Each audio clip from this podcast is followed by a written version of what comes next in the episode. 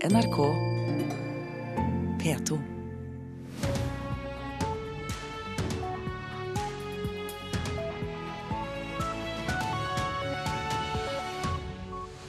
Politikerne må innse at det mangler nye store prosjekter på norsk sokkel etter 2020, sier Statoil-sjefen.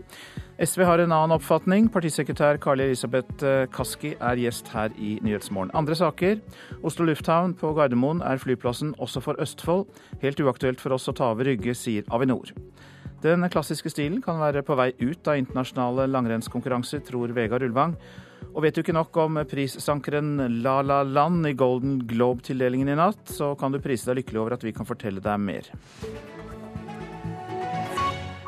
Politikerne må altså innse at oljeselskapene på norsk sokkel mangler nye store prosjekter etter 2020. Det sier altså Statoil-sjef Eldar Sætre, som mener at det haster å åpne opp nye leteområder.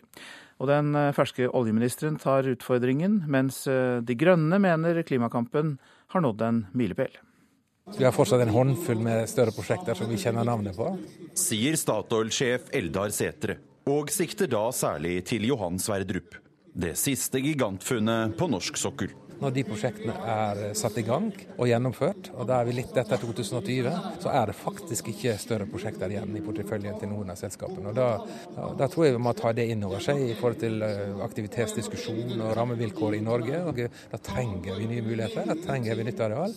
Og ting tar tid, og det er viktig at det politiske Norge også tar dette inn over seg. Konsernsjefens klare oppfordring til politisk handling nå får et kontant svar fra oljeminister Terje Søviknes. Ja, Det har jeg stor forståelse for.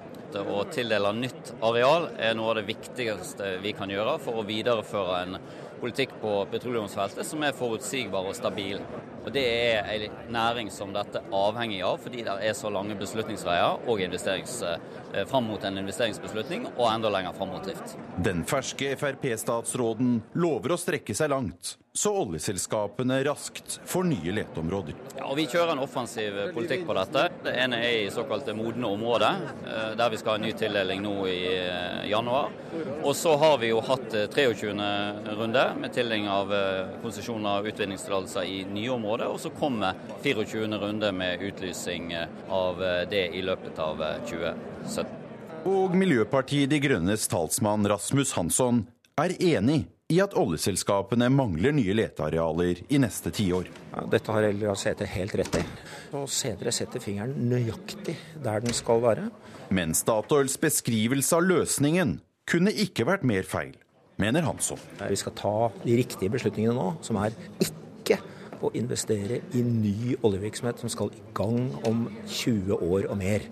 Det er nå vi avgjør om Norge sveiser seg selv fast i en klima- og ødeleggende oljeframtid, eller om vi nå flytter politiske prioriteringene, de økonomiske ressursene og kompetansen i næringslivet over til det alle sier at vi skal ha i framtida. Grønne arbeidsplasser, grønn økonomi og et bærekraftig liv.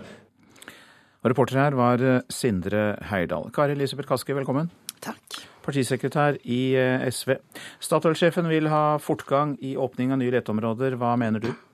Nei, jeg mener at uh, Statoil-sjefen her er for så vidt ærlig, men at han overser at vi har et klimaproblem. Hadde vi ikke hatt det, så kunne vi ha fortsatt med olje- og gassvirksomhet. Men vi har allerede nærma oss grensa for hvor mye klimagassutslipp vi kan slippe oss ut med stormskritt. 2016 eh, var nok et rekordvarmt år, og da er det ikke plass til mer norsk olje og gass i, eh, i markedet og i atmosfæren hvis vi skal, skal holde oss eh, innafor 1,5 til 2-gradersmålet og, og bekjempe klimaendringene. Men olje og gass har bygd landet. Det har gitt oss eh, veldig store inntekter. Og andre vil jo ta over eh, produksjonen av olje hvis vi bråstopper nå. Nei, det er ikke sikkert, for nå jobber hele verden med å gjøre seg sjøl uavhengig av olje og gass. Vi ser at eh, veksten innenfor fornybar energi er stor. Vi ser at veksten innenfor andre bransjer er stor. Og vi husker på at olje- og gassindustrien har vært viktig for Norge, men det er ikke bare den vi lever av. Vi er også verdensledende på ren industri. Vi har masse kraft, høykompetente folk i arbeidslivet. Veksten innenfor eksport av fisk er kjempestor. Vi er, vi er verdensledende på eksport av romteknologi per innbygger, så vi har kjempestore muligheter på andre områder. Ja, Alt det er jo veldig flott, men ingen av de næringene kan så langt produsere like store overskudd og skatteinntekter som olje og gass gjør. Nei, Vi vil aldri finne den ene næringa som erstatter olje- og gassindustrien, men vi vil finne veldig mange andre næringer som vi allerede er gode på i dag, og som vi skal fortsette å stimulere til vekst innenfor. Men jeg er mye mer bekymra for konsekvensene av klimaendringene som vi allerede starter å merke i dag, enn om vi kommer til å opprettholde velferden og velferdsstaten i Norge. Andre land lykkes med det. Vi har alle mulige forutsetninger til å få vekst i de andre bransjene som vi allerede holder på med. Men da må også vi politikere, og det gjør SV, signalisere at vi ikke kan fortsette å ha den samme aktivitetsnivået i oljeindustrien. Men vi må si at nok er nok, nå skal vi satse på andre områder også.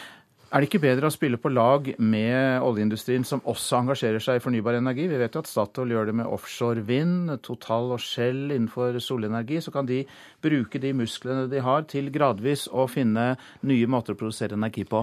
Ja, jeg tror det er viktig at uh, oljeselskapene tar et aktivt valg og sier at de ønsker å være innenfor de markedene som vi ser det størst vekst i nå, og det er eh, markedene for fornybar energi. Samtidig så tror jeg vi må være ærlige på å si at når oljebransjen, når Statoil sier at vi kan fortsette som før, at olje- og gassindustrien er en forutsetning for det grønne skiftet eller for å løse klimaproblemet, så er det faktisk feil.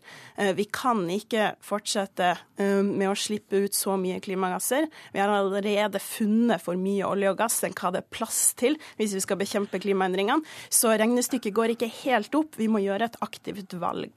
Altså, Norge øh, dekker jo 20% av EUs gassetterspørsel i dag. og øh, EU de ønsker jo fortsatt å ha norsk gass som leverandør i mange tiår fremover. Du kan ikke risikere at det da sitter kjøpere i Europa med åpne armer og er villige til å ta imot nok gass, og så har vi ikke nok gass å levere.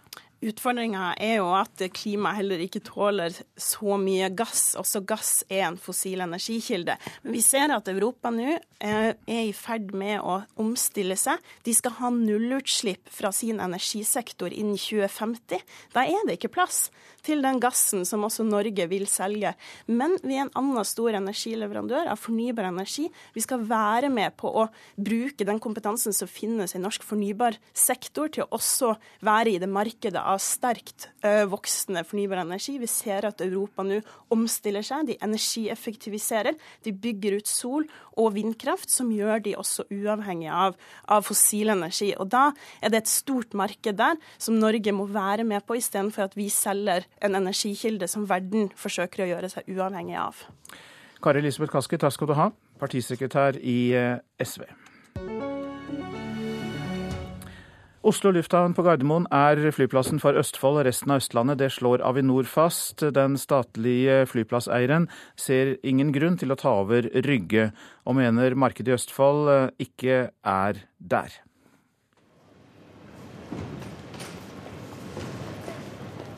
Avgangshallen på Gardermoen fylles igjen av østfoldinger som inntil november i fjor i stedet kunne velge å fly fra Rygge til et tjuetalls destinasjoner.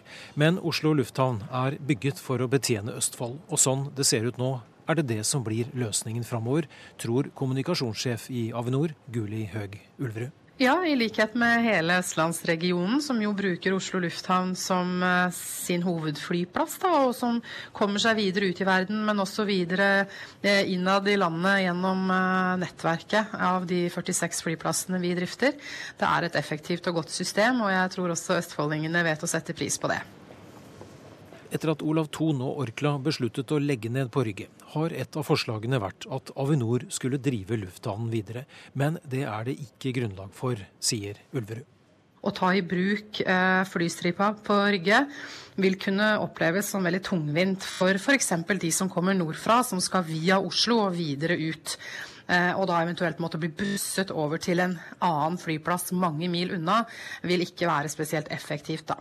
Dessuten, det er opp til flyselskapene å bestemme hvor de vil lande og ta fra. Og det er jo sånn at det er markedet som bestemmer, dvs. Si flyselskapene. De må jo finne en lønnsomhet da, i å ha trafikk på Rygge. Og eh, sånn som det ser ut nå, så virker det som om markedet ikke er stort nok til at det kan være lønnsomhet. Fordi det er jo da per i dag ingen flyselskaper som ønsker å satse på å drifte derfra. Enn så lenge er det også lite som tyder på at den private aktøren Rygge Airport kommer i land med sitt prosjekt for videre drift av Rygge, og Avinor er ikke villig til å drive Rygge med underskudd. Eh, Avinor drifter jo en rekke lufthavner som ikke er lønnsomme rundt omkring i det ganske land. Eh, og det er jo litt sånn distriktspolitikk. På veldig mange steder i landet, spesielt i Nord-Norge, så har man jo ikke tilgang til sykehus eh, og andre offentlige tjenester i nærmiljøet sitt, så man er helt avhengig av eh, en flyplass for å kunne utføre pasientreiser, ambulansereiser osv. Eh, mens eh, i Østfold så er jo ikke dette tilfellet. Der har man jo et veldig godt eh, offentlig tilbud. Men blant dem som ikke vil gi opp, er Rygge-ordfører Inger Lise Skartlien. Avinor eh, er Avinor. Eh, jeg tror at eh, vi ikke har tid til å vente på at Avinor skal forandre mening, men jeg tror at det går an å bevise at det finnes et marked på Rygge. Reporter Lars Håkon Pedersen. Bjørn Myklebust er kommet til studio, programleder for Politisk kvarter. Om en times tid så skal det handle om de virkelig store og vanskelige spørsmålene. Liv og død. Intet mindre. Eh, liv Arbeiderpartiet kan åpne for at enslige kvinner kan få hjelp til å få barn i Norge. I dag er det, er det jo sånn at mange kvinner som drar til utlandet for å få assistert befruktning. Og død for Venstre kan åpne for aktiv dødshjelp. Ingen enkle svar, mange spørsmål. Hvor langt skal vi gå for å rokke ved naturens gang, selv om vi kan gjøre det? Om en time 7.45 Politisk kvarter. Så har vi det avisen er opptatt av på sine førstesider i dag. To av tre unge sier ja til eggdonasjon, apropos det vi nettopp snakket om. Kvinner bør få lov til å få barn ved hjelp av transplanterte egg, mener et flertall i en fersk meningsmåling gjort for Aftenposten. Noen flere kvinner enn menn er positive til eggdonasjon, og yngre er mer positive enn eldre. Til et bilde av Jon Fredriksen og hans to døtre Katrine og Cecilie forteller Dagens Næringsliv at familien har tjent 21 milliarder kroner på norsk laks. Nå ser Cecilie Fredriksen store muligheter i Kina for det familieeide oppdrettsselskapet Marine Harvest. Jeg holder unna tankene om mange år i fengsel, sier den tiltalte politimannen Eirik Jensen til Dagbladet. Jeg ser fram til å forklare meg om alle anklagene i retten, og samtidig berømmer han støtten fra sine tre barn kjæresten og resten av familien samt noen kolleger. Nå får du svi for julematkrigen, er oppslaget i VG. Avisas matbørs viser at vi er inne i et nytt år med høyere matpriser. Sennep er gått opp med 40% melis nærmere 100% kålrot med 300% sammenlignet med prisene før jul, altså. I Frankrike kan man med loven i hånd logge av og gjøre seg utilgjengelig, er oppslaget i Dagsavisen. Fra 1.1 har ingen arbeidsgiver kunnet pålegge sine ansatte å være pålogget og svare på e-post og SMS, for en ny lov skal gjenopprette skillet mellom jobb og fritid. På Breimyra ungdomsskole er mobiltelefonene bannlyst, kan Bergens Tidende fortelle. Ellers er praksisen ved bergensskolene ulik. Byrådet for barnehage, skole og idrett, Pål Hafstad Thoresen, sier han vil vurdere sentrale retningslinjer for mobilbruk på skolene hvis han får signaler om at det trengs. Forskere advarer mot norsk deltakelse i Natos rakettskjold, skriver Klassekampen. NUPI-forsker Julie Wilhelmsen er en av dem som frykter at norsk deltakelse i rakettforsvaret i verste fall kan ende i en væpnet konflikt. Én av fire har planer om å spise mindre rødt kjøtt, viser en meningsmåling gjort for Nasjonen. Men det er lettere sagt enn gjort, for historien viser at mellom, med unntak da, av en liten nedgang i kjøttforbruk i årene 1989 og 2014, har nordmenn jevnt over økt sitt kjøttforbruk hvert år siden 1950-tallet. I løpet av noen få sesonger kan den klassiske stilen bli borte fra internasjonale langrennskonkurranser. Det sier Vegard Ulvang, som er leder av langrennskomiteen i Det internasjonale skiforbundet FIS. Et argument for å droppe klassisk stilart er bl.a. at stadig flere løpere staker seg gjennom klassiske renn. Jeg tror det går enda en, en, en, en to-tre år før vi har en endelig avgjørelse. Da må vi tillate at vi må prøve oss å felle litt. Men du tenker et par sesonger, så, så kan det være at vi ser klassisk ut? Det er mulig. Absolutt mulig. I konkurranser med klassisk stilart er det stadig flere som staker store deler av rennene. Men staking uten festesmurning har vist seg svært krevende å kontrollere, sier Ulvang. Nye regler har kommet, og vil komme for at fisk kan dømmes strengere ved overtredelse av reglene for klassisk teknikk. Og det er et argument for å stryke klassisk i fremtiden. Utfordringa er at det er vanskelig å kontrollere. Staking er stort sett snart raskere enn de fleste, fleste terrengformasjoner. Altså Det å unngå at folk juks, småskøyter og jukser, det er det største utfordringa. Eh, to sett utstyr er kostbart, det begrenser rekrutteringa, smorninga er vanskelig. Ulvang vet at dette er et følsomt tema innad i det internasjonale skimiljøet. NRK har snakket med ledere for flere langrennsnasjoner, som Norge, Sverige og Russland. Alle vil beholde klassisk, blant dem landslagstrener for de norske mennene Tor Arne Hetland og trener for russiske Sergej Ustjugov, Markus Kramer. Klassisk teknikk med diagonalgang ønsker vi å beholde, for, å, for det er en del av eh, kulturen og bevegelsesformen til langrenn. I hope the future will be also with, with this technique, with classic technique, because it's, for me it's, it's uh, very nice and interesting uh, races. Vi må ikke komme dit at, det er, at langrennene avgjøres på juryrommet, sånn som vi ser enkelte ganger nå. Det sier NRKs langrennsekspert Carl Henning Gran. Løperne er blitt så sterke, så utholdende i overkroppen, at vi ser at de kan stake gjennom. Jeg syns at staking ikke er egnet som en konkurranserein konkurranseidrett på worldcupnivå. Jeg syns derfor at man på, på, sikt kan kanskje legge ned klassisken og satse på fristil som konkurranseform. Og Geir Elle var reporter her. Klokka er 6.49. Dette er hovedsaker. Eirik Jensen-saken er helt unik i norsk sammenheng, mener flere eksperter, og den er mer spennende enn krim på TV, mener en korrupsjonsekspert. Mer om saken mot Jensen etter klokka sju. Politikerne må innse at oljeselskapene på norsk sokkel mangler nye store prosjekter etter 2020. Det sier Statoil-sjef Eldar Sætre, som mener det haster å åpne opp nye leteområder. Oslo lufthavn på Gardermoen er flyplassen for Østfold også, og resten av Østlandet. Derfor er det helt uaktuelt for oss å ta over Rygge, sier Avinor.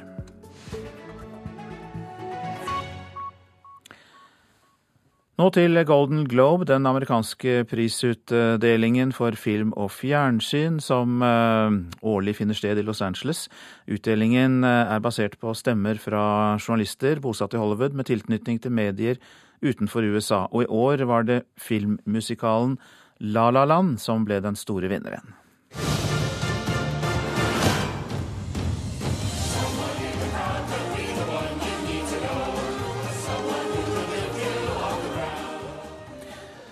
Ja, Sigurd Vik, du er med oss og er filmanmelder i NRK Filmpolitiet. Du satt jo oppe og fulgte dette showet i natt. og Hvor mange priser ble det til slutt til La La Land?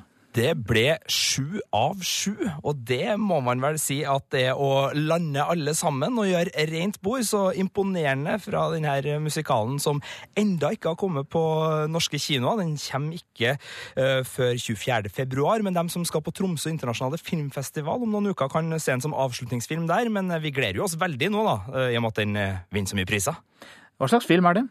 Du, Vi har ikke sett mer enn en traileren, men det er da en, en, musical om en pianist som jobber på en nattklubb, ser det ut til, i USA. Og så er det da Ryan Gosling og Emma Stone som fikk hver sin pris for skuespillerprestasjonene, som spiller hovedrollene. Den ser litt sånn nostalgisk og, og god og gammeldags ut, med i hvert fall tilsynelatende bånd tilbake til Hollywoods gullalder og, og musikalene der. Men vi har som sagt ikke sett det her ennå, så det blir litt sånn vage eh, antydninger.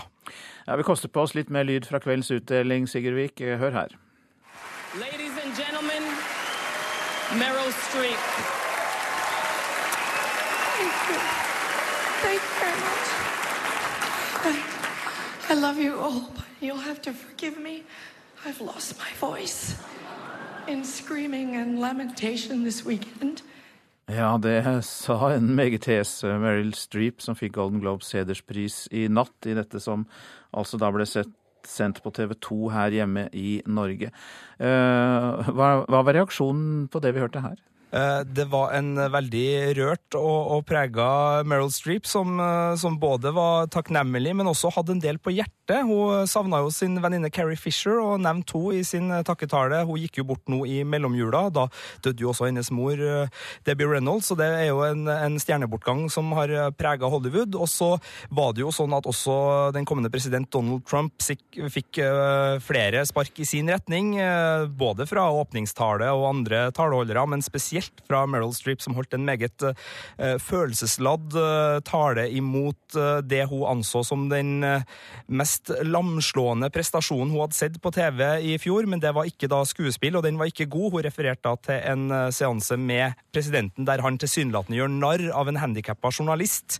Donald Trump har senere gått ut og sagt at han ikke mente å gjøre det, men i hvert fall hennes opplevelse og manges opplevelse av denne talen ble da det som hun trakk fram som noe hun ikke satte spesielt stor pris på. Ikke bare film, men også noe politikk i natt, altså. Men vi skal ikke glemme at det var norske prishåp. Fortell mer.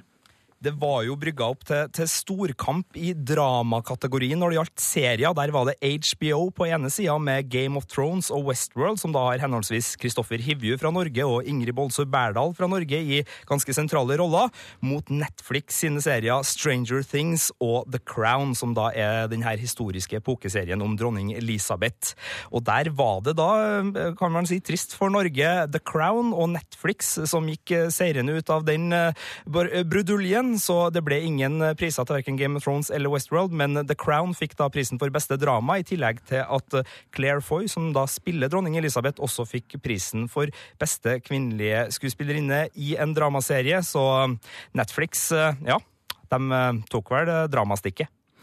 Og helt til slutt, noen andre filmer og serier som utmerket seg i natt? Ja, Atlanta, en komiserie som vi i Filmpolitiet har likt veldig godt, ga den terningkast seks da den kom til norske skjermer. Fikk både prisen for beste komiserie, og Donald Glover, som da er skaperen, fikk også pris for beste mannlige skuespiller. Det er en serie som virkelig fortjente å vinne, og som var veldig gledelig at stakk av med prisen, og som også er en eksponent for den nye type serie som blander drama og komedie, som vi ser mer og mer av fra USA, det her halvtimesformatet som vanligvis har vært sitcom, som nå gir en helt ny type serie. Så det var vel det mest spennende som skjedde sånn prisutdelingmessig i aften. Hjertelig takk for at du fulgte med på dette for oss. Sigurd Vik, filmanmelder i NRK Filmpolitiet. Nesten sju av ti mangler DAB-radio i bilen, viser ferske tall fra Digitalradio Norge. Allerede denne uken starter jo slukkingen av FM-nettet, i Nordland der de først er ute. Og foreløpig er det få av de vi møtte der ute på veiene som hadde hastverk med å bytte ut radioen. Det har jeg ikke, nei. Nei, det har jeg ikke. Om jeg har DAB? Nei. Hvorfor ikke det? Nei, det får komme når det kommer. Det haster ikke. Ikke for alle, men for noen begynner det å haste. Onsdag 11. januar starter slukkingen. Først ut er Nordland. Men ferske tall fra Digitalradio Norge viser at kun 32% har en DAB-radio i bilen. Det er en økning fra 28% i oktober-november. Daglig leder i Digitalradio Norge, Ole Jørgen Torvmark, har foreløpig is i magen.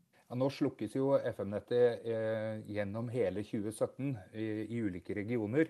Og jeg tror at hvis eh, folk nå er bevisste på at dette faktisk skjer, så eh, tror jeg at de fleste som lytter på radio i bil, vil kunne være godt forberedt eh, før og i og for seg i dagene rett etter at det slukker i sitt område. Det betyr jo at det er 70% som ikke ville kunne ta imot eh, beredskapsmeldinger og viktige varsler når de er på veiene og det er kritisk. IKT Norge har lenge vært skeptiske til FM-slukkingen. Administrerende direktør Heidi Austli er kritisk, selv om vi har hatt god tid til å forberede oss. Nei, Det handler jo om at radio er et viktig beredskapsverktøy for å sende viktige varsler ut til bilistene. Og når 70 da ikke kan ta imot slike meldinger, så er det kritisk for uh, samfunnet. Eh, når eh, eventuelle situasjoner oppstår. For det er på radio vi får meldinger om stengte veier, ulykker og uvær.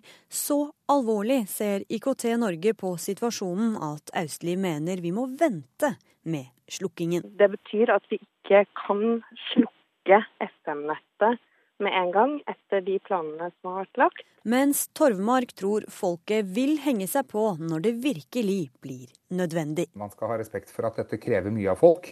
Ehm, så vi er spente på å se eh, hvor godt eh, innspurten nå blir, men vi tror dette skal gå veldig fint. Reporter var Anna Rydland eh, Nærum. Hartvig Nissen skole i Oslo blir nedrent av danske fans, som vil oppleve omgivelsene fra ungdomsserien Skam. Nå har skolen tatt grep for å stenge turistene ute.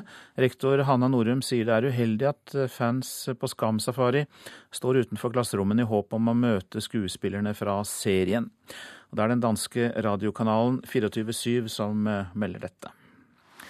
Så var det værvarselet, og Østlandet, Telemark og Agder ser vi samlet. Det blir skyet oppholdsvær i dag og lokal tåke. Utover dagen kommer det regn fra vest, og det kommer som sludd og snø over 500 meter.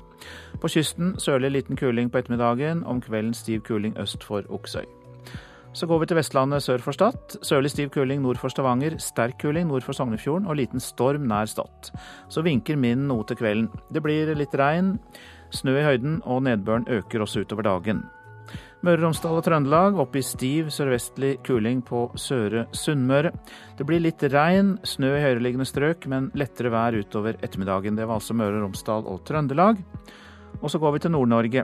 Vestlig sterk kuling utsatte steder i Troms og Finnmark. Nå på morgenen kan det hende det også blir liten storm sør i Troms.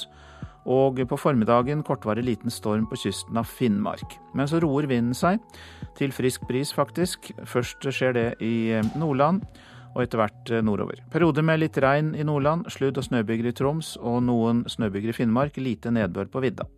Spitsbergen nordlig liten kuling utsatte steder. Litt snø i nord, ellers oppholdsvær. Noen temperaturer klokka fire. Svalbard minus 11, Varde pluss 1, Alta 0, Bodø 3, Brønnøysund 5, Trondheim 4, Molde 3, Kristiansand-Kjevik 1 og minus 7 på Gardermoen. Lillehammer minus ni, Oslo-Blindern minus to.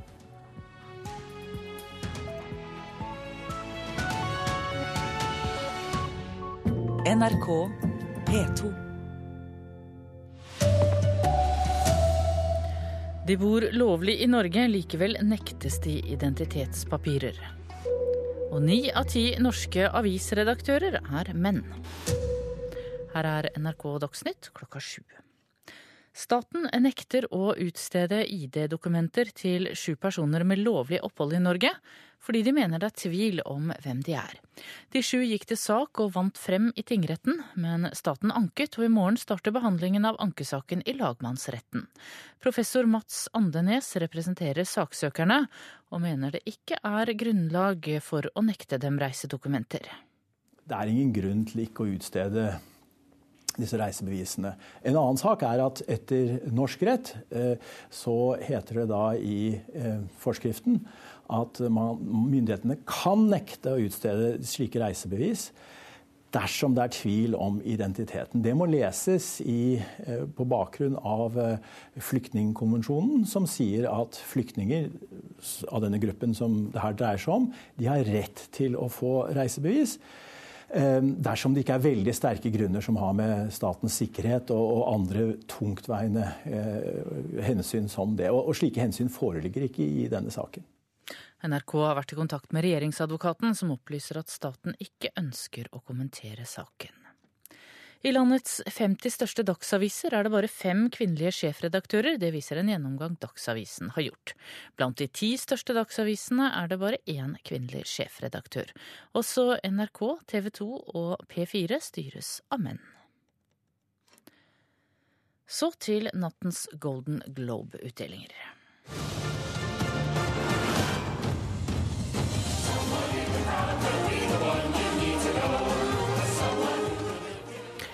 Den amerikanske musikalen La La Land ble den store vinneren under film- og fjernsynsprisutdelingen i natt. Musikalen fikk alle prisene den var nominert til, det forteller NRKs filmanmelder Sigurd Vik. Det ble sju av sju. Og det må man vel si at det å lande alle sammen og gjøre rent bord, så imponerende fra denne musikalen som enda ikke har kommet på norske kinoer. Den kommer ikke uh, før 24. februar, men de som skal på Tromsø internasjonale filmfestival om noen uker, kan se den som avslutningsfilm der. Men vi gleder jo oss veldig nå, da, i og med at den vinner så mye priser. Og så tar vi med at The Crown vant den gjeve dramaprisen, og Claire Foy fikk prisen for beste kvinnelige skuespiller i en dramaserie for sin prestasjon som Elisabeth den andre. Moonlight fikk prisen for beste um, drama, og hovedrolleprisene gikk til Casey Affleck og Isabel Ibert. NRK Dagsnytt, Tone Nordahl. Og her i Nyhetsmorgen fortsetter vi med disse sakene.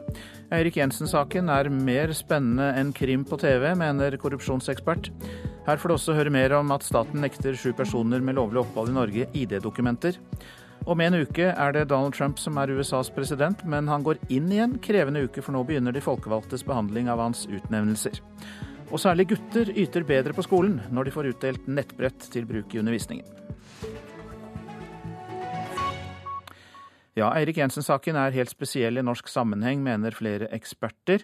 Rettssaken mot den tidligere polititoppen starter i dag. Jensen er tiltalt for grov korrupsjon og for å ha hjulpet med å smugle store mengder hasj inn i Norge, og han nekter straffskyld. Det som skal skje i retten er unikt, sier BI-professor og korrupsjonsekspert Petter Gottschalk. Han hadde gode kontakter inn i de mest belastede miljøene i Oslo Eh, underverden i Oslo, eh, gjengene, eh, organisert kriminalitet. Og det vil nå bli kjent hvordan det foregikk i en åpen rettssal, og det er helt unikt. Sentral politileder siktet for grov korrupsjon. Omfattende tiltale mot tidligere polititopp Eirik Jensen. 150 står på vitnelista når ekspolitimann Eirik Jensen og Gjermund Cappelen møter i retten 9.1. Rettssaken var Det er blant de siste årenes mest omtalte krimsaker. Og i dag starter rettssaken mot Eirik Jensen. Den tidligere polititoppen er tiltalt for grov korrupsjon og for å ha hjulpet med å smugle flere tonn hasj inn i Norge i en årrekke. Jensen nekter straffskyld. Saken er helt spesiell i norsk sammenheng, mener Mats Andenes, jusprofessor ved Universitetet i Oslo. Det er jo en eh, tiltale mot en politimann som har holdt på med noe av det vanskeligste politiet holder på med. Um, og det gir jo da en anledning til å lære om disse arbeidsmetodene for oss som uh, jo bare leser om dette i, i, avisen. Men også for rettssystemet til å gå inn og vurdere forskjellige sider av disse arbeidsmetodene som brukes. Det gir altså en anledning til å få en kritisk gjennomgåelse av eh, et vanskelig område i vårt eh, politiarbeid. Dette er en sak man kunne forventet å lese om i en roman, ikke i norske rettspapirer, sier advokat Marius Ditriksson. Han leder forsvarergruppen i Advokatforeningen.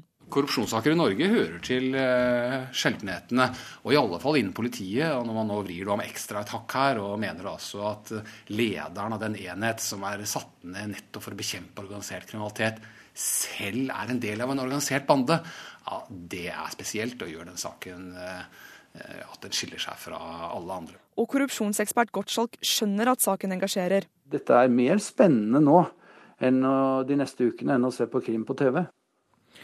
Reporter var Milana Knesevic. Reporter Anette Holt Hansen, du skal seinere i dag rapportere fra Oslo tinghus. Og hva skal skje i retten i dag? Nei, eh, I retten i dag eh, så skal jo dommeren først lese opp hva Eirik Jensen og Gjermund Cappelen er eh, tiltalt for. Og så skal de jo ta stilling til selve skyldspørsmålet. Etter det så er det klart for innledningsforedraget til statsadvokat Lars Erik Alfheim. Og i morgen så er det Spesialenheten for politisaker som har ordet. Og så er det jo onsdag da som er en spennende dag, for da skal etter planen Eirik Jensen begynne sin forklaring. Er det andre viktige punkter på dagsordenen i løpet av uka, mot slutten av uka? Nei, det er da holdt av eh, Det kan hende Erik Jensen allerede begynner sin forklaring i morgen eh, ettermiddag. Eh, og så er det da resten av uka skal brukes til Erik Jensens forklaring. Og det skal også hele neste uke. når han er ferdig med sin forklaring, så er det Gjermund Cappelen sin tur. Og I tillegg så um, er det jo 150 vitner i uh, denne saken. Så det er jo satt av uh, mange uker. Det er først midten av juni man regner med å være ferdig. Hvordan er det ventet at interessen blir for å følge saken? Det er jo på en måte sagt at uh, tiltalen mot Eirik Jensen er den mest alvorlige tiltalen som en uh, norsk politimann noensinne har fått mot seg. Og da sier det seg jo selv at uh, interessen blir stor. Det er laget tusenvis av artikler og TV-innslag og radioreportasjer om Eirik Jensen og denne saken. Og det er derfor ventet stort oppmøte av både pressefolk og og flere politiansatte. Da. Så har for så vidt Eirik Jensen skrevet på sin støtteside på Facebook at han helst ser at støtten skal komme på denne siden, og ikke her eller på tinghuset. da. Takk skal du ha i denne omgang, Anette Holt Hansen, som skal eh, rapportere fra Oslo tinghus etter hvert når saken tar til i dag. Staten nekter sju personer med lovlig opphold i Norge ID-dokumenter fordi de mener det er tvil om hvem de er. De sju gikk til sak og vant fram i tingretten, men staten anket, og i morgen starter behandlingen av ankesaken i lagmannsretten. En av saksøkerne er ei sju år gammel jente som er født i Norge, og her skal vi høre fra hennes fortvilte mor, Sable Kaso Bere. Hun er aktiv, og med masse stress og mye spørsmål. Sable Kaso Berhe hevder selv hun er fra Eritrea, men norske myndigheter er usikre på identiteten hennes og har avslått hennes søknad om ID-papirer. Hun har bodd sju og et halvt år i Norge, har lovlig opphold og datteren Sara på sju, som er født i Norge. Som følge av tvil rundt mors identitet, har utlendingsmyndighetene også nektet å gi datteren ID-papirer. Dermed kan ikke Sara dra på ferie som andre barn, forteller Sable. Hun spør masse hvorfor jeg har ikke ferie, når det er ferie, fordi de snakker på i klasse. Sammen med seks andre saksøkere har Sara og hennes mor gått til sak mot staten ved Utlendingsnemnda for å få ID-papirer. Ifølge UDI er det om lag 180 personer i Norge i samme situasjon.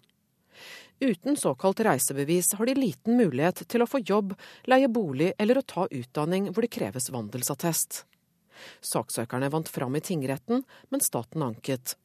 Professor Mats Andenes målbærer saksøkernes syn i lagmannsretten. Det er ikke nok at det er en eller annen grunn til å så tvil om vedkommendes identitet. Alle disse har bodd lenge i Norge. To av dem er født i Norge. Eh, det er ikke noe grunnlag for å nekte dem eh, reisebevis. Han viser til flyktningekonvensjonen som Norge er bundet av, og som gir flyktninger krav på reisebevis. Det eneste unntaket er dersom det kan skade nasjonens sikkerhet, mener Andenes. Flyktningkonvensjonen sier at uh, disse flyktningene har eh, rett til et reisebevis. Og uh, i dette tilfellet så, så, er det ingen grunner uh, som holder etter flyktningkonvensjonen for å nekte dem et reisebevis. F.eks. Eh, vår sikkerhet. Det er ingen av disse som er terrormistenkte eller noe lignende. NRK har vært i kontakt med regjeringsadvokaten, som opplyser at staten ikke ønsker å kommentere saken. Sable Kaso Berhe har satt inn et bilde av seg selv i en eritreisk avis. Alt for å skaffe vitner som kan bevise at hun er den hun er. Men så langt har hun ikke lykkes med å skaffe ID-dokumenter fra hjemlandet. Nå håper hun på seier i retten, så hun og datteren kan leve et normalt liv i Norge. Så jeg, jeg håper vi kan få ID-dokumenter, så vi kan bli sammen som de andre folk. Og det er satt av to dager til denne ankesaken. I Borgarting lagmannsrett reporter var Kristine Næss Larsen. Du lytter til Nyhetsmorgen, og nå passerte klokka 7.11. Vi har disse hovedsakene. Vi har hørt at uh, flere eksperter og kommentatorer mener at Eirik Jensen-saken er helt unik i norsk sammenheng. Mer spennende enn krim på TV, mener en korrupsjonsekspert. Saken mot uh, Eirik Jensen begynner altså i dag. Staten nekter sju personer med lovlig opphold ID-dokumenter, har vi hørt, og det er fordi de er i tvil om deres identitet. De vant til tingretten, men staten anket til lagmannsretten. Og under Golden Globe-utdelingen i Los Angeles i natt vant musikalen La La Land alle de sju prisene den var nominert til. Men den er ennå ikke kommet til eh, Norge, så vi må smøre oss med litt tålmodighet. I USA går Donald Trump inn i en heftig uke. I morgen begynner godkjenningshøringene for noen av de viktigste utnevnelsene hans. På onsdag har han lovet å holde sin første pressekonferanse siden valgseieren. Og eh, midt oppi dette har vi jo da uroen rundt hackingskandalen og eh, forvirring rundt eh, hvorvidt den påtroppende presidenten anerkjenner at hackingen har funnet sted.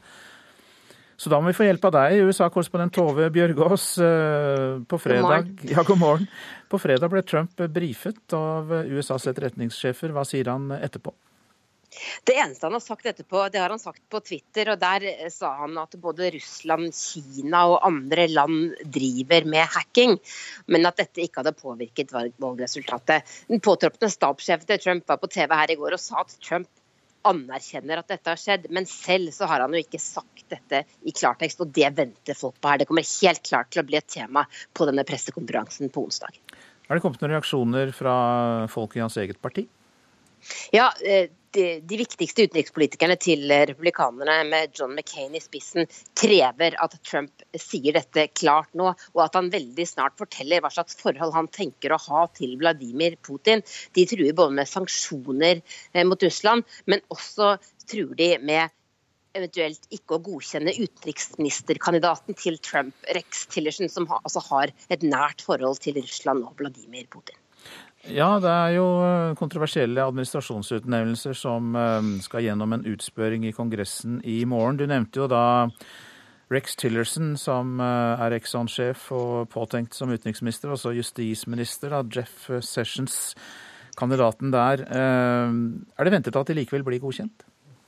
Det er ventet at de vil bli godkjent. Eh, det er fordi eh, demokratene selv forandret avstemningsreglene for disse godkjenningshøringene for tre år siden. Og nå er det slik at kandidater bare trenger 50 Eh, altså 51 stemmer i Senatet, og det har republikanerne for å bli godkjent. Så det skal mye til at de ikke klarer å få med sine for å godkjenne dem. Eh, men det som har skjedd, er at republikanerne, som altså har flertall, har forsøkt å kjøre på med disse høringene så fort de kan. Før eh, mange i opposisjonen i senatet mener de har fått nok informasjon om kandidatene. Bl.a. rundt eh, ja, økonomien til flere av disse næringsselskapene til Trump. F.eks. Dex Tillerson, som jo er toppsjef for verdens største børsomsetterselskap, selskap, og har mange interesser som man må gå etter. Det er jo det som er grunnen til at man har disse høringene, for å sjekke at folk har rent mel i posen i forhold til å, å få disse jobbene. Jeg vet ikke om du hører meg eh, like hakkete som jeg hører deg, Tove Bjørgaas. Vi prøver oss likevel med et spørsmål eh, til. Det er altså en pressekonferanse onsdag. Eh, hvorfor blir den sett på som så viktig? Det er den første gangen på sju måneder at Donald Trump har en vanlig pressekonferanse. Vi har stort sett hørt fra ham på Twitter og så i noen få TV- og avisintervjuer. Dette er første gangen journalister får sjansen til å stille ham spørsmål i en pressekonferansesetting. Eh, og det er svært uvanlig at en nyvalgt president ikke holder en pressekonferanse. Og nå har folk også veldig mange spørsmål. Et av de viktigste er jo det Trump fortsatt ikke har svart på. Hva skal han gjøre med forretningsimperiet sitt når han, når han blir president om elleve dager? Og så var jo Trump faktisk også tema på Golden Globe-utdelingen i natt. Eh, vi har jo hørt at La La Land var eh, serien som vant, eller filmen som vant. Det er jo en utdeling for TV-filmer og andre typer filmer. Eh, men hvordan, eh, hva, hvorfor ble Trump nevnt der? Trump ble nevnt av flere eh, fra scenen, og ikke minst av Meryl Streep, som vant en ærespris og langet ut mot Trump, kritiserte ham for å ha latterliggjort bl.a. en eh, en funksjonshemmet journalist i valgkampen, men snakket også om alle de i Hollywood som kommer fra andre land enn USA. Og hva hadde Hollywood vært uten innvandrere, snakket hun om. Og, og snakket også om hvor viktig det er at Hollywood står opp mot Donald Trump. Streep har allerede fått kritikk fra republikanerne, men det er også slik at hun drev valgkamp for Hillary Clinton eh, i hele høst. Takk skal du ha, USA-korrespondent eh, Tove Bjørgaas. Nå til Iran. Tidligere president Akbar Hashemi Rafsanjani er død, 82 år gammel. Han var president i landet fra 1989 til 1997, og en innflytelsesrik og reformvennlig politiker. Rafsanjani var en av arkitektene bak den islamske revolusjonen i 1979 i Iran. Og fram til sin død så satt han som leder av det viktige ekspertrådet. Og vi har med oss Sissel Wold, korrespondent som dekker Iran for oss. Si litt mer om hvorfor Rafsanjani var så viktig. Han har vært til stede absolutt hele tiden, enten i posisjon eller i kulissene. Han var også viktig under den uh, lange Iran-Irak-krigen. Uh, han var jo med fra en gruppe religiøse revolusjonære styrtet sjahen og gjennomførte den islamske revolusjonen i 1979, som endret jo hele Midtøsten. Uh, I de årene han var president, så var han en moderat politiker, og han ville bedre forholdet til Vesten fordi at det var godt for iransk økonomi. Men i, 19, i 2005 så tapte han presidentvalget for Mahmoud Ahmadinejad. Og som vi husker, i 2009, da Ahmadinejad forsøkte å eh, bli gjenvalgt, noe han ble i en meget omstridt valgkamp, som førte at millioner av iranere protesterte på gatene, så støttet Rafsanjani demonstrantene som ikke ville ha den konserva Ahmadinejad. Og han har hele tiden ligget litt i kamp med eh, de mest religiøse hardlinerne i Iran. Kan da tidspunktet for hans død få politisk betydning? Egentlig så kan det det, for han dør på det verst tenkelige tidspunktet, bare noen dager før Donald Trump blir president i USA. Og ingen vet jo hva som skjer med atomavtalen eh, som Iran har skrevet eh, under eh, sammen med USA, EU og de faste medlemmene av FNs sikkerhetsråd. Dette var jo en avtale som skulle tre i kraft for akkurat et år siden. Eh, Donald Trump har sagt at han vil ødelegge den, og der har eh, Rafsanjani vært en veldig viktig støttespiller for for president Hassan Rouhani, som, eh, som jo eh, er, som, som, er for denne avtalen. og som, Det er veldig viktig for han at denne avtalen eh blir iverksatt. Så nå kunne virkelig Hassan Rouhani trengt denne støtten fra den tidligere presidenten Rafsanjani. Og Vi skal også ta med oss at han har hatt visjoner for Irans økonomiske utvikling? Ja, familien Rafsarjani er en av de aller mektigste og rikeste i Iran. De har gjort det veldig stort i pistasjenøttmarkedet. I 2003 så utropte Forbes magasin Rafsarjani som en av Irans millionær mullas. Eh, Rafsajanis økonomiske politikk har vært veldig populær hos de rikeste, hos middelklassen, så han har aldri stått veldig sterkt blant eh, de fattigere. Men han etterlater seg et stort tomrom i iransk politikk. Hvem som fyller det, blir veldig viktig for Irans vei videre. Eh, og han skal nå hedres med tre dagers sørgetid, og han skal begraves på tirsdag i morgen. Mange takk skal du ha, korrespondent Sissel Wold. Så tar vi for oss avisene. To av tre unge sier ja til eggdonasjon. Kvinner bør få lov til å få barn ved hjelp av transplanterte egg, mener flertallet i en fersk meningsmåling gjort for Aftenposten. Noen flere kvinner enn menn er positive til eggdonasjon, og yngre er mer positive enn eldre.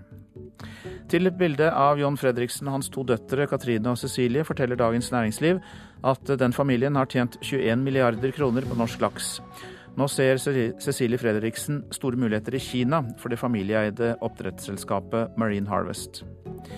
Jeg holder unna tankene om mange år i fengsel, sier den tiltalte politimannen Eirik Jensen til Dagbladet.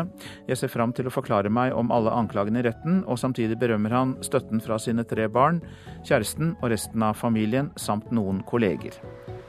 Nå får du svi for julematkrigen, er oppslaget i VG. Avisas matbørs viser at vi går inn i et nytt år med høyere matpriser. Sennep er gått opp med 40% melis med nærmere 100 kålrot med 300% sammenlignet med prisene før jul, altså. I Frankrike kan man med loven i hånd logge av og gjøre seg utilgjengelig, er oppslaget i Dagsavisen. Fra 1.1 har ingen arbeidsgiver kunnet pålegge sine ansatte å være pålogget og svare på e-post eller SMS, for en ny lov skal gjenopprette skillet mellom jobb og fritid. På Breimyra ungdomsskole er mobiltelefonene bannlyst, kan Bergens Tidende fortelle. Ellers er praksisen ved Bergens skoler ulik. Byrådet for barnehage, skole og idrett, Pål Hafstad Thoresen, sier han vil vurdere sentrale retningslinjer for mobilbruk på skolene hvis han får signaler om at det trengs. Forskere advarer mot norsk deltakelse i Natos rakettskjold, skriver Klassekampen. NUPI-forsker Julie Wilhelmsen er en av dem som frykter at norsk deltakelse i rakettforsvaret i verste fall kan ende i en væpnet konflikt. Én av fire har planer om å spise mindre rødt kjøtt, viser en meningsmåling gjort for Nasjonen. Men det er lettere sagt enn gjort, for historien viser at med unntak av to år, 1989 og 2014, så har nordmenn jevnt over økt sitt kjøttforbruk år for år siden 1950-tallet. Nå om Kine René Vik Rød fra Bamble. Hun er nemlig i ferd med å få livet ødelagt av en pornovideo. Den svært intime filmen som er delt på nett, er ikke engang av henne. Mange unge søker hjelp for å få tatt bort nakenbilder eller videoer fra internett. Nettstedet slettmeg.no får årlig 600 henvendelser fra unge som vil ha hjelp til å fjerne slikt materiale. Motbydelig. Jeg vil ikke se på det engang. Jeg har lyst til å bare legge vekk telefonen. Kine René Vik Rød fra Statelle er tydelig ubekvem. På skjermen på mobilen har hun nettopp sett filmen som har ødelagt alt for henne de siste åra. En pornofilm med hennes navn er delt på nett. Det er ikke henne som er på filmen, men mange tror det. Det er ikke meg, og det er det jeg vil få fram. Det er ikke meg på verken filmer eller bilder. Hvem er det som kan stå bak dette her? Skulle så gjerne ønske jeg kunne finne ut hvem det var. Det, jeg blir bare kjempesint og veldig frustrert. Helt forferdelig. Hun sitter hjemme i leiligheten sin. Det er midt på dagen. TV står på, det vises repriser. Hun er arbeidsledig og sliter med å komme ut i jobb. Det sosiale livet hennes er på mange måter ødelagt. Hun isolerer seg pga. videoen. Det gjør noe med det sosiale, rett og slett. Det å gå ut blant andre mennesker, føle folk kikker på deg. Alt der. Det er ikke noe greit. Såkalt hevnporno er ikke nytt. En ny nasjonal studie om hevnporno fra USA viser at én av ti unge kvinner i USA har fått trusler om nakenbilder på nett. De siste åra har det blitt stadig mer av dette også i Norge. Slettmeg.no får mange henvendelser angående dette temaet, forteller Hans Marius Tessem i veiledningstjenesten. Vi håndterer rundt 600 saker i året, eh, hvor vi hjelper folk som da har enten fått bilder eller videoer delt, eh, delt på nettet. Hva kan du si om utviklinga? Har det vært sånn hele tiden, eller blir det mer av dette her? Mitt inntrykk er at de siste åra så har det vært ganske stabilt og ganske mye av det. Eh, og jeg tror òg det er en del mørketall i forhold til hvor mange som opplever det her. Jeg tror på langt nær alle som opplever det her, kontakter oss i hvert fall. Mange unge sender nakenbilder til andre. Medietilsynets undersøkelse Barn og medier viser at 9% av barn mellom 13 og 16 år har sendt et nakenbilde. Det er ikke tilfellet for Kine René Vik Rød. Hun har aldri sendt verken nakenbilde eller video. Da hun oppdaga videoen og bildene, anmeldte hun saken, men dette har senere blitt henlagt. Nå går hun med et håp om at videoen og bildene skal bli fjerna. Det beste for meg hadde vært å få dette vekk, fjernet for alltid. Så jeg kan leve et normalt liv. Føle at jeg er et uh, menneske, på en måte. Det sa kvinneren Vik Rød fra Bamble til reporter Stian Vårsø Simonsen. SV-leder Audun Lysbakken ber finansminister Siv Jensen holde en egen redegjørelse for Stortinget om den voldsomme veksten i boligprisene, skriver Klassekampen. I løpet av fjoråret steg boligprisene med 12,8% Regjeringen har innført særkrav i Oslo, der presset har vært spesielt høyt. Lysbakken mener dette ikke er nok, og foreslo i forrige uke at staten går inn som deleier av unge eller lavtløntes førstegangskjøperes boliger. Bruk av nettbrett i skolen er framtida. Det mener skolesjefen i Bærum kommune i Akershus. 6000 av kommunens 16 000 elever har allerede fått nettbrett på skolen i et pilotprosjekt, og erfaringene så langt er gode. Og særlig guttene yter bedre når de får bruke nettbrett. Det, her har vi jo masse forskjellige apper hvor du har GarageBand til musikken, hvor vi da kan lage musikk. Og her legger jo også lærerne våre ut oppgaver eller lekser eller innleveringer som vi da gjør f.eks. i en app som heter Pages.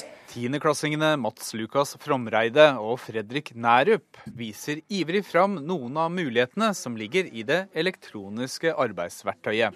Det er mye mer spennende med en iPad i hånda enn liksom en blyant og en skrivebok. Så.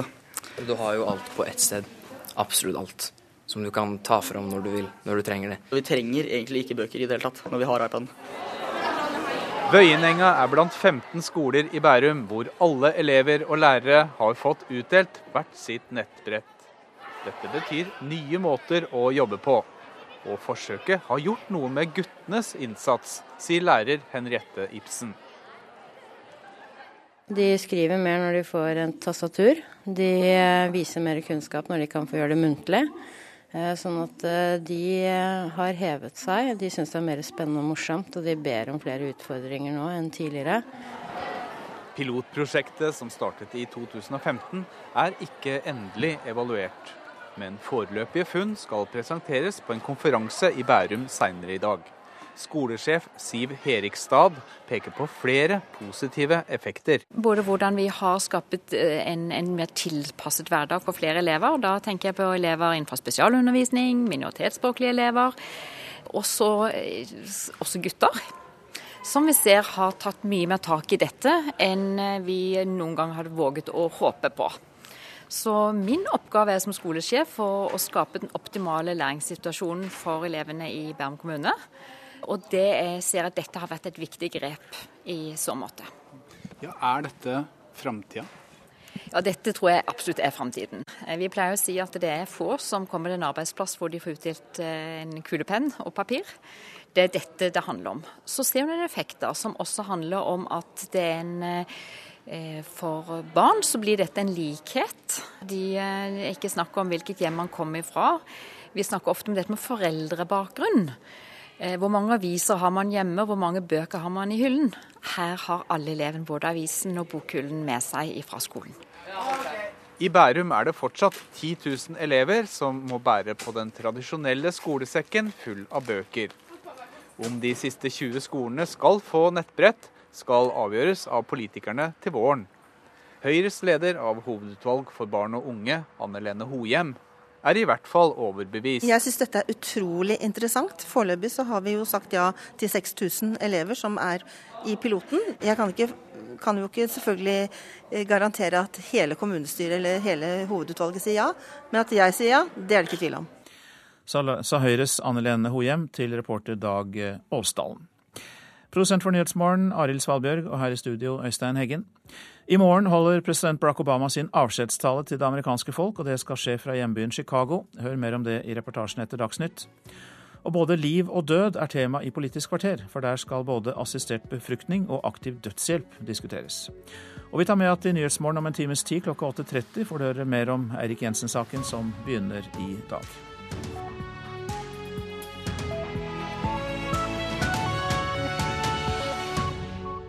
NRK P2.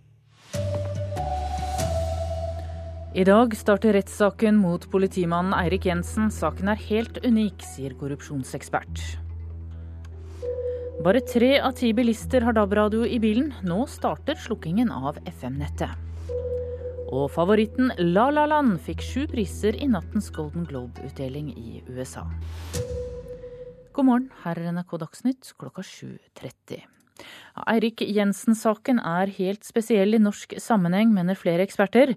Jensen er tiltalt for grov korrupsjon og for å ha hjulpet til med å smugle store mengder hasj til Norge. Han nekter straffskyld. Det som skal skje i retten er unikt, sier BU-professor og korrupsjonsekspert Petter Gottschalk. Han hadde gode kontakter inn i de mest belastede miljøene i Oslo. Eh, underverden i Oslo, eh, gjengene, eh, organisert kriminalitet. Og det vil nå bli kjent hvordan det foregikk i en åpen rettssal, og det er helt unikt.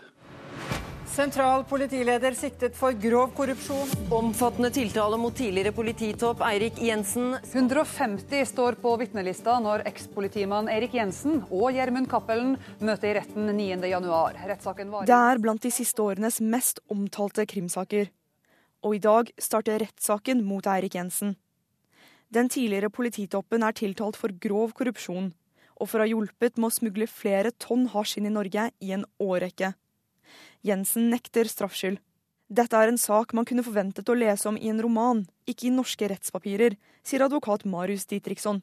Han leder forsvarergruppen i Advokatforeningen. Korrupsjonssaker i Norge hører til eh, sjeldenhetene, og i alle fall innen politiet. og Når man nå vrir det om ekstra et hakk her og mener altså at lederen av den enhet som er satt ned nettopp for å bekjempe organisert kriminalitet, selv er en del av en organisert bande, ja, det er spesielt og gjør den saken uh, at den skiller seg fra alle andre. Og korrupsjonsekspert Gottschalk skjønner at saken engasjerer. Dette er mer spennende nå enn de neste ukene enn å se på krim på TV. Reporter her var Milana Knesevic. I saken står også Gjermund Cappelen tiltalt. Han og Eirik Jensen har helt forskjellige versjoner av hva som har skjedd. Og krimkommentator Olav Rønneberg, hvor vanskelig blir det for retten å finne ut hvem de skal tro på her? Ja, Det blir i alle fall en svært omfattende og komplisert sak. Det er nå over 200 vitner som skal føres her. Alt fra kriminelle til Riksadvokaten og til en rekke polititopper. Først og fremst så blir jo dette en kamp om troverdighet. Eirik Jensen har på mange måter to motstandere, både Gjermund Cappelen og Spesialenheten for politisaker.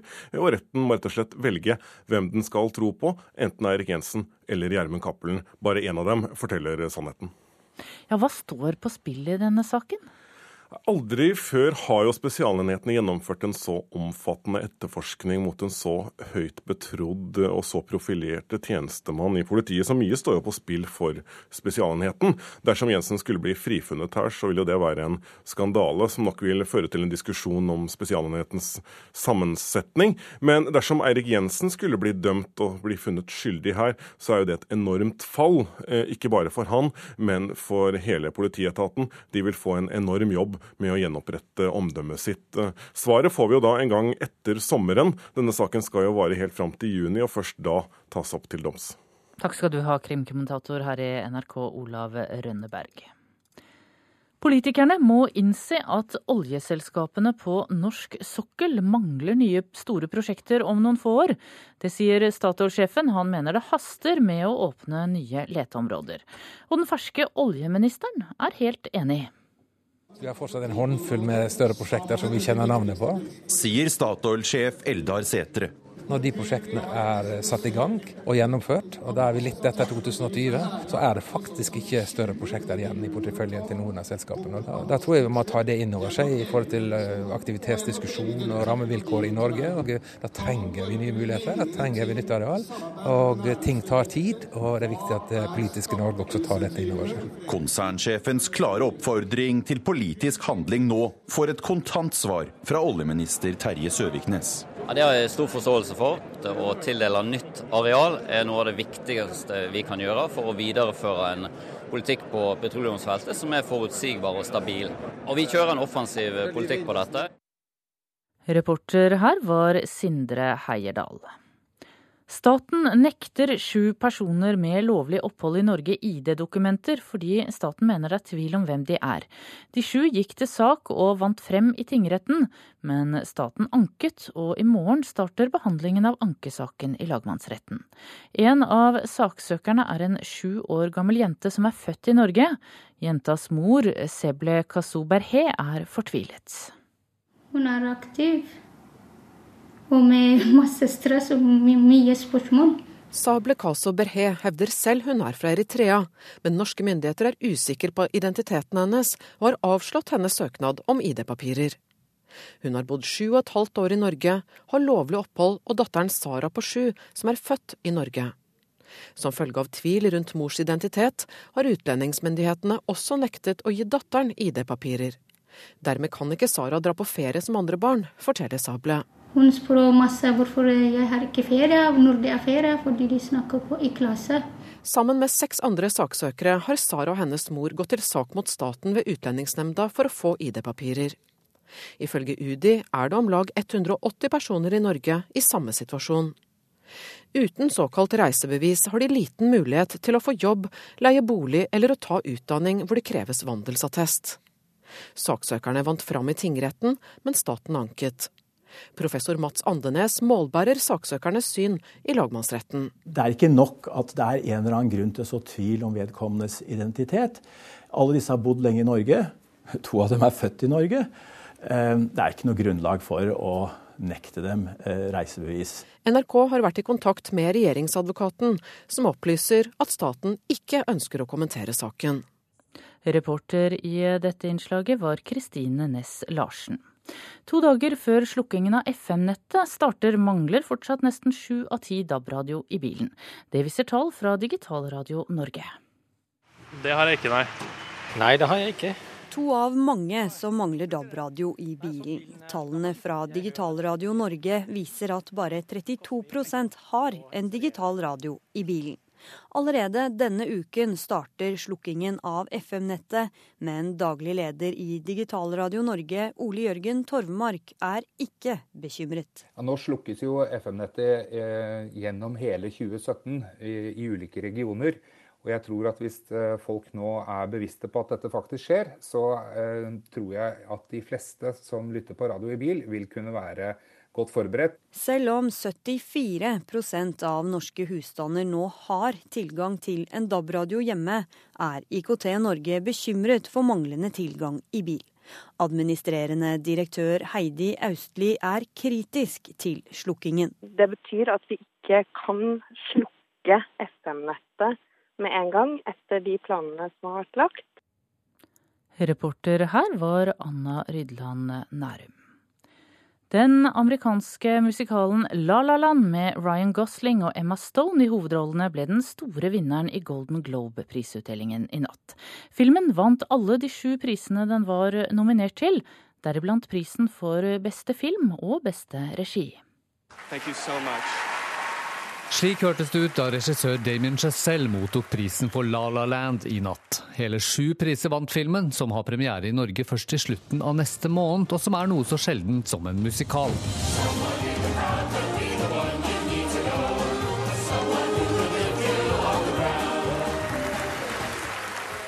Golden Globe Awards blir delt ut i filmhovedstaden Los Angeles hvert år, og er en av de største innen film og TV. I år utgjorde denne serien et visst håp for Norge.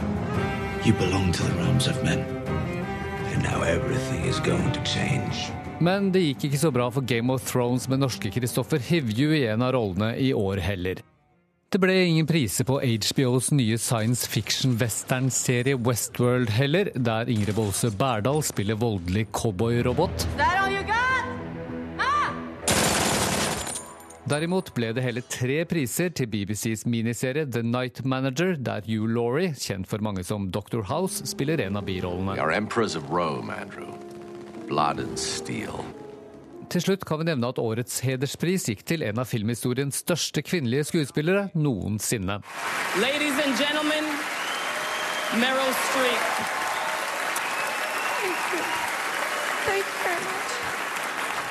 I, I love you all, but you'll have to forgive me. I've lost my voice. Ja, Meryl Streep til slutt her. Reporter var Petter Sommer. Ansvarlig for eh, Dagsnytt, Anne Skårseth. I studio, Tone Nordahl.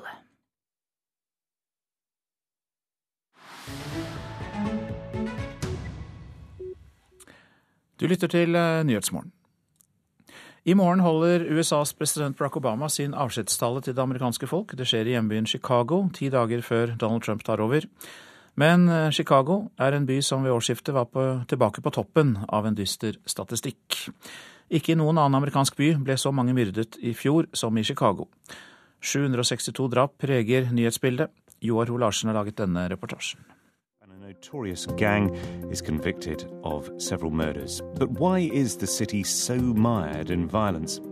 Hva har skjedd med Barack Obamas og Hillary Clintons hjemby? En fantastisk verdensmetropol med universiteter og nobelprisvinnere. Med mer kunst i det offentlige rom enn nesten alle andre byer. Med shopping i verdensklasse og restauranter med tre Michelin-stjerner. For ikke å snakke om byens stolthet, The Cubs. Baseballaget som nå i november vant The World Series for første gang på 108 år. Byen som fant opp pariserhjulet, Wrigley's tyggegummi og Big Mac. Men nå er det kriminaliteten som igjen dominerer nyhetsbildet. Politisjef Eddie Johnson studerer statistikken og fortviler. What do you think I do? I look at those stats. You know, this is not normal to, to shoot, to see shootings and murders like this. 762 mennesker ble drept i USAs tredje største by i fjor. Flere enn i de to største byene New York og Los Angeles til sammen, og 60% flere enn i fjor. Tankene går til forbudstiden og Al Capone, til valentinerdagmassakren i 1929 og til Dickie Dick Dickens. Deilig dårlig vær, da smeller det så det drønner her. Og med solen over by kan du pumpe ham full av bly. Og Chicago, med Chicago. Men det er ikke slik at alle Stor-Chicagos ti millioner innbyggere er i faresonen. Det er gjenger av sosialt og økonomisk marginalisert ungdom. Gjenger med til sammen ikke mer enn ca. 1500 afroamerikanere og latinos som står bak mesteparten av økningen hva antall drap angår. Allikevel er det bekymringsfullt. For dette er en gruppe demokratene har satset på. Og Barack Obamas gode venn og nære medarbeider Ram Emanuel har vært borgermester i Chicago de siste fem årene og han har åpenbart feilet. Han har allerede vært i kontakt med påtroppende president Donald Trump om mulig føderal innsats og støtte. Det må smerte, etter det Obama sa i 2008. Yes, we can to opportunity and prosperity. Yes, we can heal this nation. Yes, we can repair this world. Yes, we can. Før Obama ble politiker og president, arbeidet han med vanskeligstilt ungdom nettopp i Chicago. Analytikere hevder at det er en sammenheng mellom kutt i byens bevilgninger til ungdomsarbeid og økningen i antall voldsepisoder, skuddramaer og mord. Det kommer til å bli sterke følelser, nye tårer og svært emosjonelt når Obama takker for laget på tirsdag. Men med en betydelig bismak. Chicago er ikke lenger hva det var, kunne man si. Problemet er vel snarere at Chicago igjen er blitt hva det en gang var. Dette er eh, hovedsaker i nyhetene i dag. I dag starter rettssaken mot politimann Erik Jensen. Saken er unik og mer spennende enn krim på TV, mener en korrupsjonsekspert. Politikerne må innse at oljeselskapene på norsk sokkel mangler nye store prosjekter om få år. Det sier Statoil-sjef Eldar Sætre, som mener det haster å åpne opp nye leteområder. Staten nekter sju personer med lovlig opphold i Norge ID-dokumenter, fordi de mener det er tvil om deres identitet. Saken de fører mot staten begynner i lagmannsretten i morgen. Og bare tre av ti bilister har DAB-radio i bilen. Nå starter slukkingen av FM-nettet. Først skjer det i Nordland. Om få sekunder er det Politisk kvarter, i dag ved Bjørn Myklebust.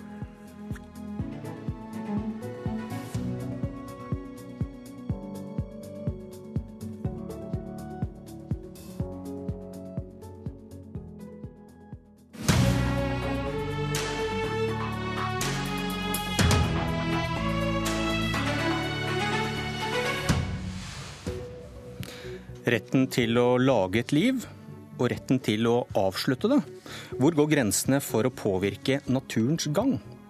Arbeiderpartiet kan åpne for å hjelpe enslige kvinner med å få barn.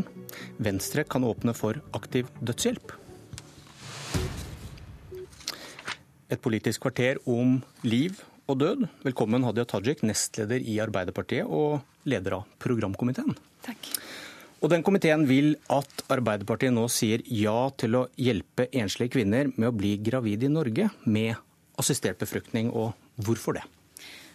Assistert befruktning for enslige det er allerede tillatt i ganske mange andre land som vi sammenligner oss med. I Danmark, i Finland, Island, Storbritannia, Belgia bl.a. Eh, og Helsedirektoratet de påpeker òg at antallet norske damer som drar til utlandet for å få assistert befruktning, eh, øker. Nå nærmer vi oss 1000 personer i året. De som drar, er ofte veldig ressurssterke damer. De er mellom 38 og 41 år, de er høyt utdanna, og ikke minst så har de hatt et ønske om å få barn i ganske lang tid. De har eh, tatt et valg, de har planlagt for det, og det er grunn til å tro at det er unger som vil få veldig gode oppvekstvilkår. Bioteknologinemnda de, de, har jo også sett på dette tidligere, og der har det vært en, en tydelig delt innstilling. Altså Flertallet har uh, vært uh, skeptiske, men det har vært et veldig stort mindretall på åtte som har meint at man burde innføre dette. Og noe av det de har lagt vekt på, er at dagens lovverk er i utakt med annen lovverk. F.eks. kan enslige adoptere. Det taler for at man òg burde kunne få assistert befruktning. Og ikke minst så har man erfaringer nå i mange generasjoner som viser at det går helt fint å være aleneforelder, og det blir folk av de ungene òg. Så leser jeg at dere ikke har tatt stilling til om en enslig skal få dette dekket økonomisk på lik linje med et par i dag. Henger det på greip når dere først sier ja? Ja, det gjør det. Man må diskutere hvordan vi praktisk skal løse det. Og det er gode argumenter for at man skal gjøre det på samme måte for enslige som man gjør overfor par. Og si at eh, de tre første forsøkene det er det det offentlige som dekker, og etter det så må man bidra økonomisk sjøl. Hva er argumentene mot, siden dere ikke konkluderer? Det går an å si at eh, helsevesenet løser mange store oppgaver i dag, og at assistert befruktning for enslige ikke skal være en del av det offentlige helsebudsjettet. Men da sier dere vel også, hvis dere tar det forbeholdet at dere ikke ønsker så mange aleneforeldre, at det er et signal? Ellers så kunne dere vel bare konkludert med det første du sa? Vi har ikke tatt det forbeholdet, men vi er åpne for å ta den diskusjonen. For jeg syns at det er en rimelig diskusjon. på Hva hvordan... syns du? Jeg er åpen for å diskutere begge deler. Men hva mener du? Jeg er åpen for å diskutere begge deler. Ok. Eh, Olaug Bollestad, nestleder i Kristelig Folkeparti. Hvorfor er dere mot at enslige kvinner skal få hjelp til å få barn? Eh, For KrF sin del så har vi stor forståelse for at òg enslige ønsker barn. Samtidig så er vi opptatt av at en voksens ønske om å få barn ikke skal ha forrang foran barnets rett til, så langt det er mulig, å få vokse opp med en far og en mor. Og selvfølgelig så er det sånn som Hadia Tajik sier, at det, er, det blir folk òg av unger som vokser opp hos én forelder i dag. Men det syns jeg er noe annet enn om staten skal legge opp til at ett barn kun har én foreldre. Og som Hadia viser til, så sier Bioteknologirådet de påpeker at når et samfunn medvirker til at et barn skal bli født gjennom assistert befruktning, så har vi et særlig ansvar for at dette skjer på en måte så sikrer barna i størst mulig grad. Og det er vårt utgangspunkt. Barnet sin rett til en mor og en far. Og så må vi heller ikke eh, legge under en stol at dette er en ikke-medisinsk begrunna eh, eh, tiltak. For dette er kvinner som nå får rett til assistert befruktning, som faktisk eh, er i stand til å få barn sjøl, men de har ikke funnet den rette partneren. Sånn at vi òg legger opp til et ikke-medisinsk grunnlag for å få assistert befruktning. Tajik. Bollestad har rett i at det er mange eh, etiske utfordringer ved dette. Um, Men jeg vil understreke at det er ikke nødvendigvis noen motsetning mellom å ta hensyn til barnets beste eh, og det at man her har foreldre som ønsker veldig sterkt å få eh, unger på denne måten. Um, Når det er snakk om assistert befruktning til par i dag, og det mener jeg også selvfølgelig skal gjelde når man vurderer enslige, så eh, tar man hensyn til omsorgsevne, man tar hensyn til psykososiale forhold, man tar hensyn til hva slags nettverk det man har rundt seg. Og det er klart at den type hensyn selvfølgelig òg må gjelde når det er snakk om assistert befruktning for enslige.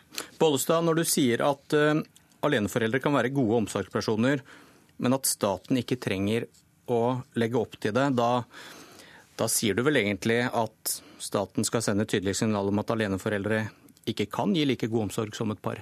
Nei, det sier jeg slettes ikke. Men jeg sier det at det er sånn at når staten skal legge til rette for, så har vi et særlig ansvar. Vi har et særlig ansvar for de ungene, for det er vi som legger til rette for det. Men hvis, barn- hvis, barn- men hvis aleneforeldre Bollestad, som du sier, er like gode til å gi omsorg som et par, hva er da problemet? Problemet er at det er vi som stat som skal legge til rette for at et barn har både en mor og en far. Og det å være eh, hvis Men da, hvis da, du sier du, en- da, sier du jo, da må du vel være ærlig på ja, at det men- er bedre enn men, eh, men å hvis du, ha hører forelder. én meg, hvis, hvis du hører på meg hva jeg sier da, så sier jeg at det, veldig mange barn har det bra med å vokse opp hos en av foreldrene. Men et barn som også har én foreldre, er mer, om, uh, mer utsatt hvis mor uh, skulle bli syk eller ha en annen uh, miste omsorgsevnen. Så er disse ungene, uh, som vi har tatt ansvar for, eh, faktisk mer utsatt enn de som har to foreldre. Det er vel poenget, poeng, Tajik? Det er det. Det peker òg Bioteknologinemnda på når de gir sin anbefaling, at eh, når det er bare én forelder involvert, så kan det være mer sårbart for barnet. Det er noe av grunnen til at man må vurdere helhetssituasjonen til det barnet. Altså nettverket rundt den enslige. At det er flere voksenpersoner som vil være en del av oppveksten til dette barnet. Eh, sånn at det ikke er så sårbart som det ellers ville kunne vært. Du, Hva med enslige menn? Hvis de Tajik er like gode omsorgspersoner som kvinner, og de ønsker barn like sterkt. Hvorfor skal ikke de få samme rett ved hjelp av f.eks. surrogati, der en kvinne bærer fram barn for noen andre? Er ikke det en logisk fortsettelse av din eh, tankerekke? Jeg skjønner at det spørsmålet blir stilt. I Arbeiderpartiet sin programkomité har vi anbefalt nei til surrogati. Og vi har sagt at unger som likevel blir til på den måten, som jo skjer i en del andre land Men si, si, hvorfor, komme... si, hvorfor, du er negativ til det. Noe av grunnen er at det å gå gravid det er en av de største helserisikoene som en kvinne kan ha.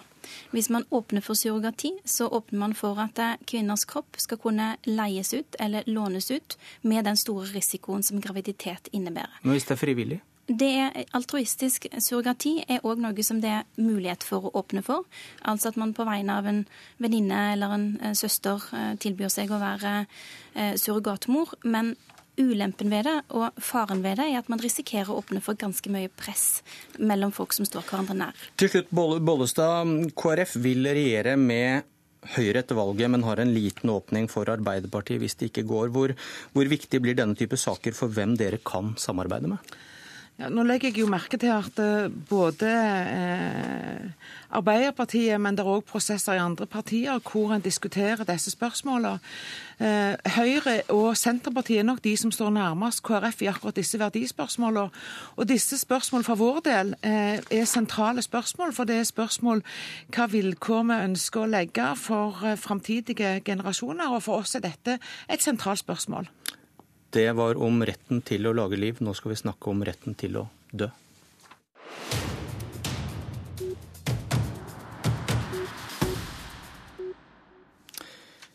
Venstre kan ta et steg mot å tillate aktiv dødshjelp.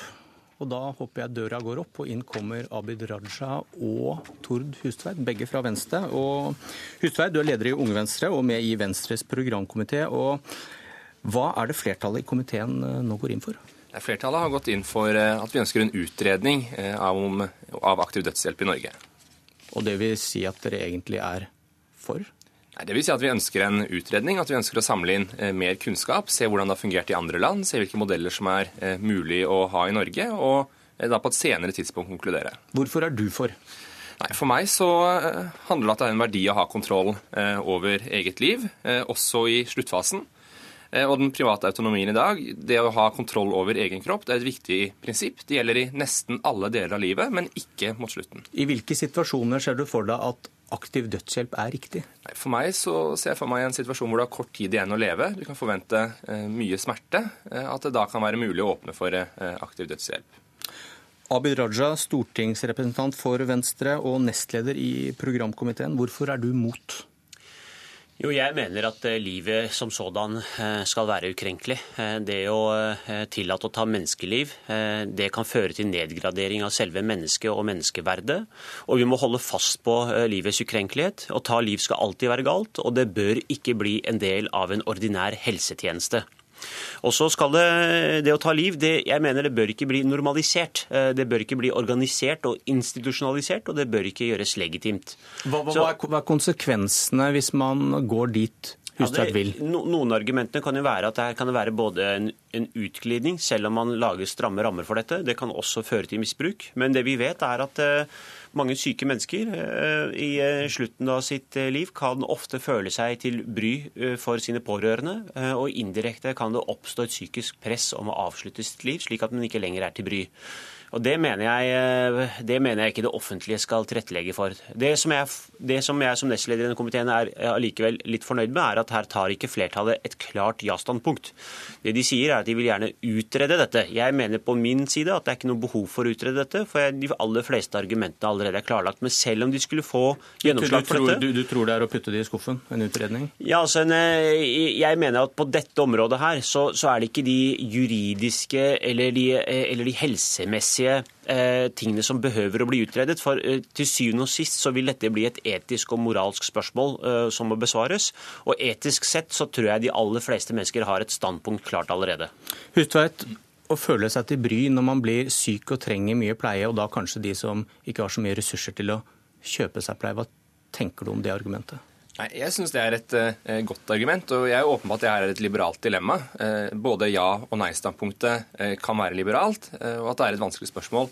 Men så syns jeg det Tybry-argumentet er et av argumentene som taler for at man trenger en utredning. Hvis man går gjennom forskningen i dag og ser hva sier forskningen om det, så er den ikke entydig. Men hva skal dere finne ut da hvis dere ikke har forskning på det? Nei, Da kan man få en drøfting av det, se hvilke, hvordan det har fungert i andre land. Man har også sett, Hvis man går til Oregon, da ser hvem er det som får dødshjelp i Oregon, så er ikke det lavt utdanna folk med lite penger. Det er folk med helseforsikring som får palliativ behandling, og som er høyt utdanna og velinformerte når de velger å motta aktiv dødshjelp. Det er, det er, en del spørsmål her. Altså, når, du, når, man blir alvorlig syk, så kan man også oppleve Mange opplever psykiske vanskeligheter med sykdommen. Og den, det å være, takle sykdommen sin på en, på en, god måte kan være en utfordring.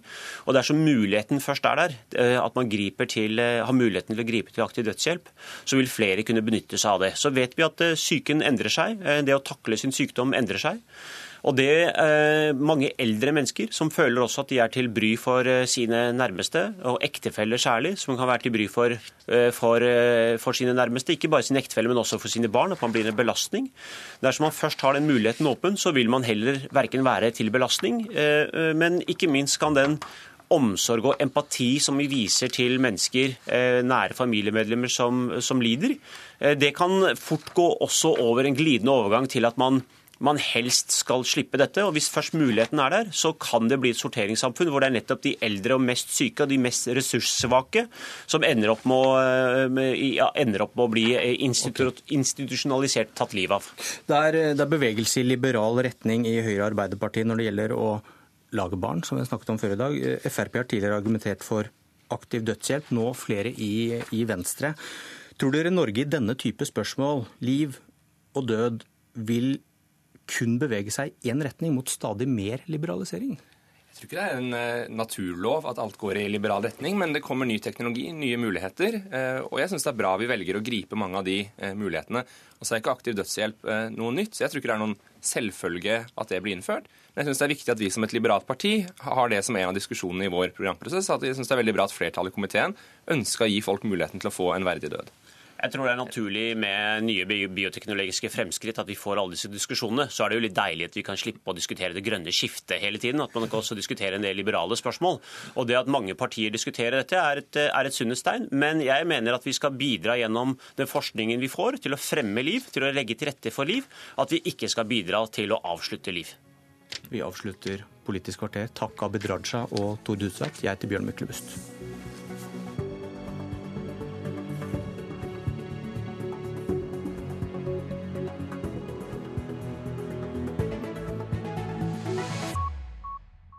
Hør flere podkaster på nrk.no podkast.